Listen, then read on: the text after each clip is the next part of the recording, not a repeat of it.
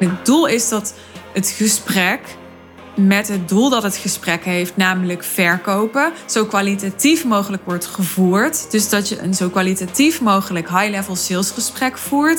Het heet niet voor niks high-level salesgesprek. Het gaat over een gesprek op hoog niveau, maar wel hè, niet zomaar gesprek op hoog niveau, maar een salesgesprek op hoog niveau.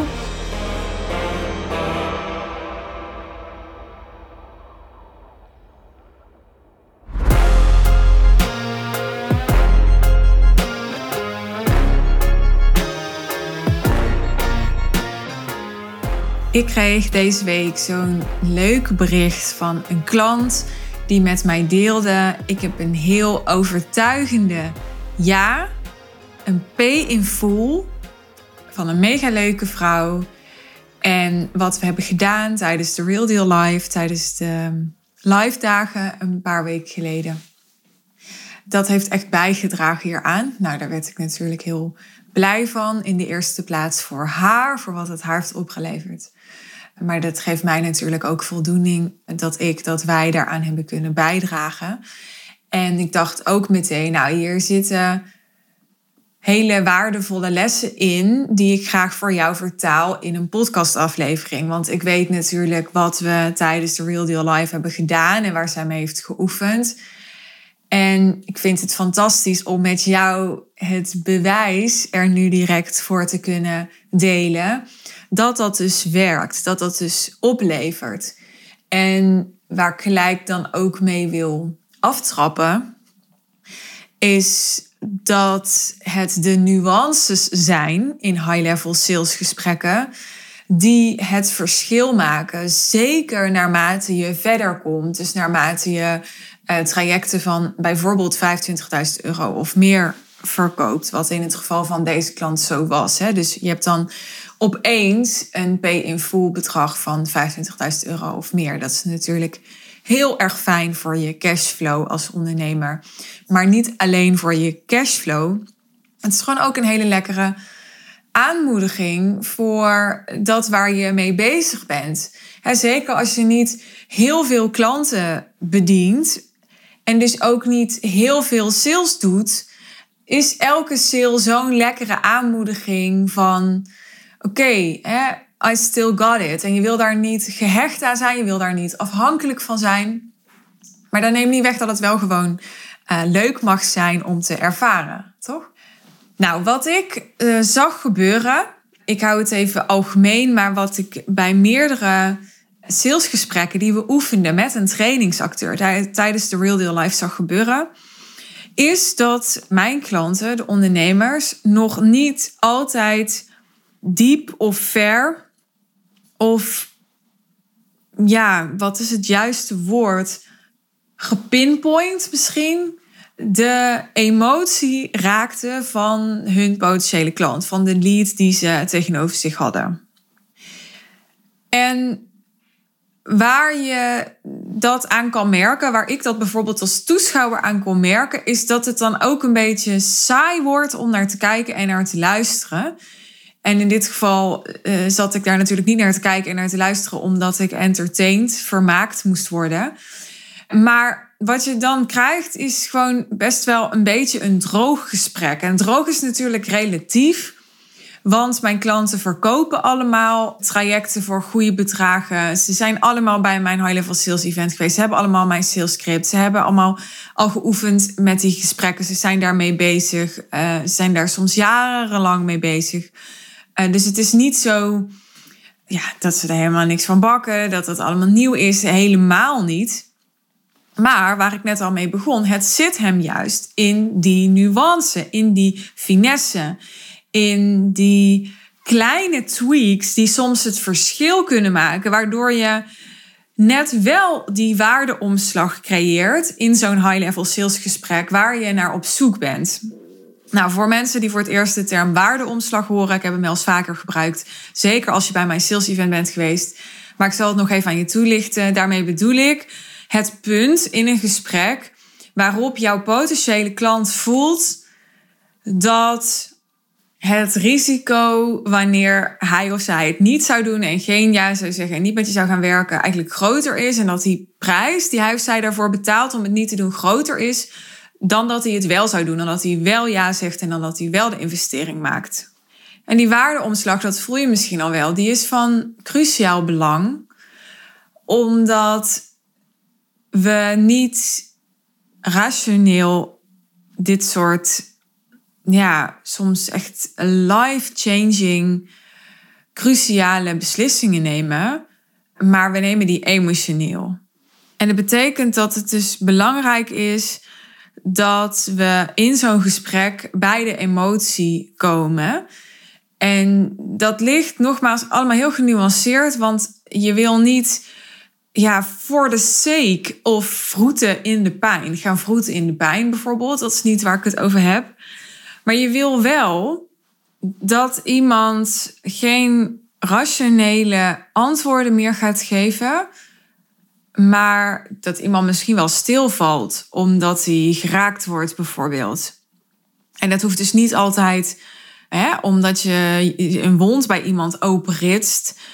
En tegelijkertijd zijn wel degelijk heel veel ondernemers best wel bang om naar de pijn te gaan, omdat we niet iemand een ongemakkelijk gevoel willen geven, omdat we niet iemand willen kwetsen, omdat we niet iemand willen confronteren met iets waar die ja, misschien niet zo heel gelukkig mee is, of helemaal niet gelukkig mee is omdat we dan vervolgens onszelf ook verantwoordelijk voelen om die emoties te begeleiden misschien zelfs wel om ze weg te maken. Maar ik ga ervan uit dat je wel op het punt bent dat je, hè, dat je weet dat je die emoties niet hoeft weg te maken. Dat dat er allemaal gewoon kan zijn. Maar toch is er misschien onbewust iets in jou wat die emoties eigenlijk wel weg wil maken. Wat het eigenlijk best wel lastig vindt om met iemand om te gaan die uh, emotioneel is, die niet zo rationeel, misschien dus ook niet meer zo reëel op je reageert. Daar heb je wel wat wat draagkracht voor nodig om daarmee uh, te zijn. Hè, dat kan best wel voor jouzelf ook weer een confronterende spiegel zijn, bijvoorbeeld. Dus het is belangrijk om die emotie te raken. Nu wil ik daar wel weer een belangrijke kanttekening bij plaatsen. Want wat ik ook zie, en het hangt er een beetje vanaf vanuit welk werkveld en vanuit welke achtergrond je komt en je verkoopt maar ik zie ook juist veel coaches heel erg toe willen naar die emotie, omdat ze daar exciting van worden. Want ze denken, ja, daar gebeurt het. Hè? Dus, dus die gaan daar juist van op aan, want die zoeken juist de diepgang en die zoeken juist het keerpunt of de transformatie, want dat is ook wat ze gewend zijn in hun werk te doen. Maar wat ze daarmee doen is hun werk al gaan praktiseren in het salesgesprek. En dat is dan weer niet de bedoeling, want je hebt in een salesgesprek niet de rol van coach of van therapeut, maar je hebt de rol van verkoper. dus je wil niet op het moment dat iemand deelt, ja, ik zit daar en daarmee helemaal gaan naar, oh en hoe komt dat dan? En hoe voel je je daarbij? En Hè, hoe lang heb je dat al en waar zou dat mee te maken hebben? Tenzij je dat doet met de intentie om iemand echt te laten verbinden met die pijn. Maar dit ligt dus heel genuanceerd, want je wil eigenlijk daar niet te diep op ingaan, terwijl iemand dus wel echt met de pijn verbonden is. En dat doe je bijvoorbeeld door hè, een vraag te stellen als wat doet het met je dat je hier al zo lang mee zit, mee struggelt? Nou, en dan kan iemand naar zijn gevoel toe, kan iemand verbinden met wat dat met hem of haar doet. En daarna wil je dan ook weer verder naar de volgende stap van het salesproces. En wat eh, coaches of therapeuten nog wel eens kunnen doen, is dan daar een beetje blijven hangen om helemaal goed uit te werken. Wat is dan precies dat probleem en zo. Vanuit de intentie om het te willen oplossen. Uh, maar soms ook vanuit de behoefte om gezien te willen worden in je expertise. Dus om er erkenning voor te krijgen dat jij wel even in 10 minuten heel goed ja, een soort diagnose kan stellen van iemands probleem. Of heel goed de vinger op de zere plek kan leggen. En ehm, nu is het ook zo dat het ook jouw taak is als verkoper om een diagnose te stellen. Om van daaruit vast te kunnen stellen of dat jij de juiste oplossing kan bieden voor die diagnose, hè, voor dat probleem.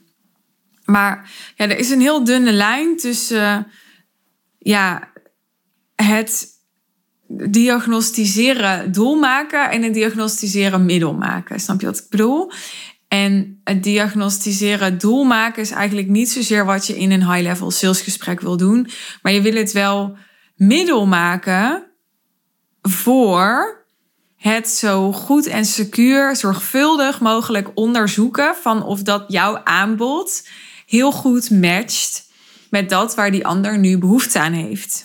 Nou, wat ik ehm, in de oefengesprekken tijdens de live dagen heb gezien bij mijn klanten, is dat sommigen dus eigenlijk te veel in die emotie gaan, omdat ze het daar zelf vooral interessant vinden worden en daarmee uit het oog verliezen wat ook alweer het doel van het gesprek was, omdat ze zo uh, gewend zijn en ook zelf zo de behoefte hebben hè, om of op te lossen, of uh, helderheid te vergaren, of te verzachten, of nou ja, wat er dan ook maar onder zit.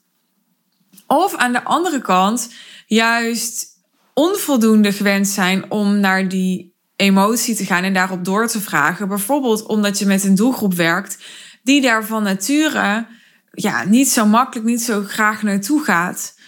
Uh, dus die niet gewend is om daar naartoe te gaan en misschien al helemaal niet gewend is om daar naartoe te gaan in salesgesprekken. Hè, dus ja, iemand die bijvoorbeeld antwoordt op de vraag: Goh, wat zou je nou heel graag willen? Stel iemand die zegt: Nou, ik zou heel graag een wereldreis willen maken met mijn gezin.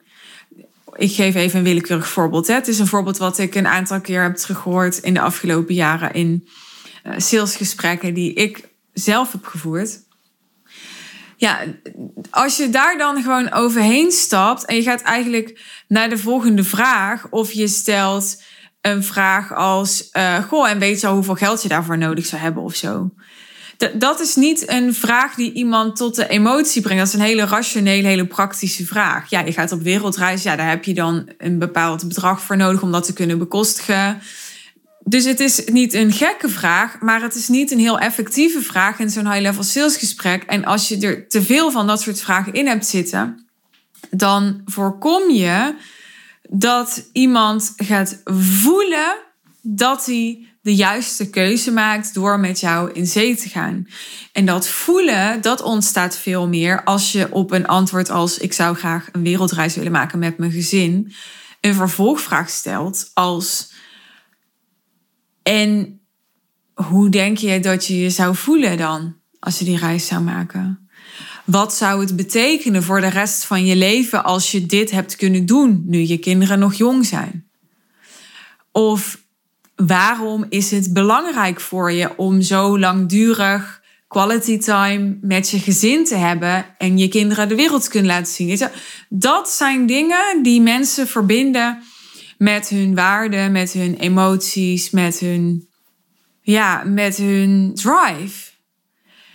En die drive hebben ze nodig om de dingen te overwinnen die voor hen nu nog een obstakel zijn om ja tegen jou te zeggen, maar die ze ook die drive gaan ze natuurlijk ook nodig hebben tijdens de samenwerking met jou. Want die samenwerking gaat een transformatie opleveren. Die transformatie gaat weerstand oproepen. En als je niet verbonden bent met die drive, als niet heel helder is waarom je iets graag wil. En je voelt dat onvoldoende, dan ga je gewoon afhaken. Dan ga je niet eruit halen wat erin zit. Dan ga je niet echt groeien. Uh, dan ga je niet jezelf overwinnen. Dan ga je dat gewoon allemaal niet doen. Of veel minder doen, maar mondjesmaat doen. Dus ik wil je heel graag meegeven met deze aflevering voor jouw komende high-level salesgesprekken. Zit jij nog iets te veel aan de kant van de ratio, van de feitelijkheden, van de objectiviteit, van het praktische? Of zit jij iets te veel aan de therapeutische kant? Waarschijnlijk heb je sowieso een neiging voor een van beide. Dus misschien is het interessant voor je om in je komende gesprekken, in je eerstvolgende gesprek om mee te beginnen, is te gaan oefenen, het procesdoel te stellen om minder de therapeut te zijn of minder de analist te zijn, om het maar even zwart-wit te stellen. En ga eens ervaren wat dat doet met de kwaliteit van het gesprek. Wil niet zeggen dat iemand al magischerwijs wel ja zegt waar die anders misschien geen ja had gezegd. Maar dat zou niet het doel op zich moeten zijn. Het doel is dat het gesprek met het doel dat het gesprek heeft, namelijk verkopen, zo kwalitatief mogelijk wordt gevoerd. Dus dat je een zo kwalitatief mogelijk high-level salesgesprek voert. Het heet niet voor niks high-level salesgesprek. Het gaat over een gesprek op hoog niveau, maar wel hè, niet zomaar gesprek op hoog niveau, maar een salesgesprek op hoog niveau. En als je het op een zo hoog mogelijk niveau voert en je kwalificeert goed, dus je praat met de juiste mensen, dat is weer een ander onderwerp, kunnen we weer andere dingen over vertellen. Dan gaat dat leiden tot de beste uitkomst. En als je dus goed kwalificeert, ja, onherroepelijk ook tot ja's, tot nieuwe klanten. Want als je met de juiste mensen praat, die daadwerkelijk echt heel veel baat kunnen hebben bij jouw aanbod. En je voert daarmee het gesprek op heel hoog niveau. Ja, dan is gewoon de meest logische uitkomst dat iemand door dat gesprek tot de conclusie komt dat het gewoon heel slim is om met jou samen te werken nu. Oké, dat was hem voor deze aflevering. Ik ehm, ja, weet zeker dat er heel veel waarde in zat, want dat bewijs hebben we al, daar begon ik mee. Ik hoop dat jij hem ook voelt en dat je er echt wat mee gaat doen. Laat het me weten wat je ervaring was. Ik ben ontzettend benieuwd. Je kunt me DM'en op Insta, op LinkedIn. Je vindt me Insta en LinkedIn in de show notes, mocht je me nog niet volgen daar.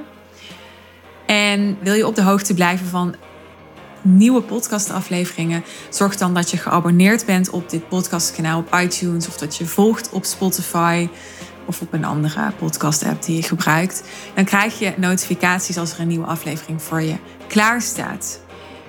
Dankjewel voor het luisteren. Dankjewel voor je aandacht. Ik wens je een hele mooie dag, een mooie avond. Misschien alvast wel te rusten. En graag tot de volgende aflevering.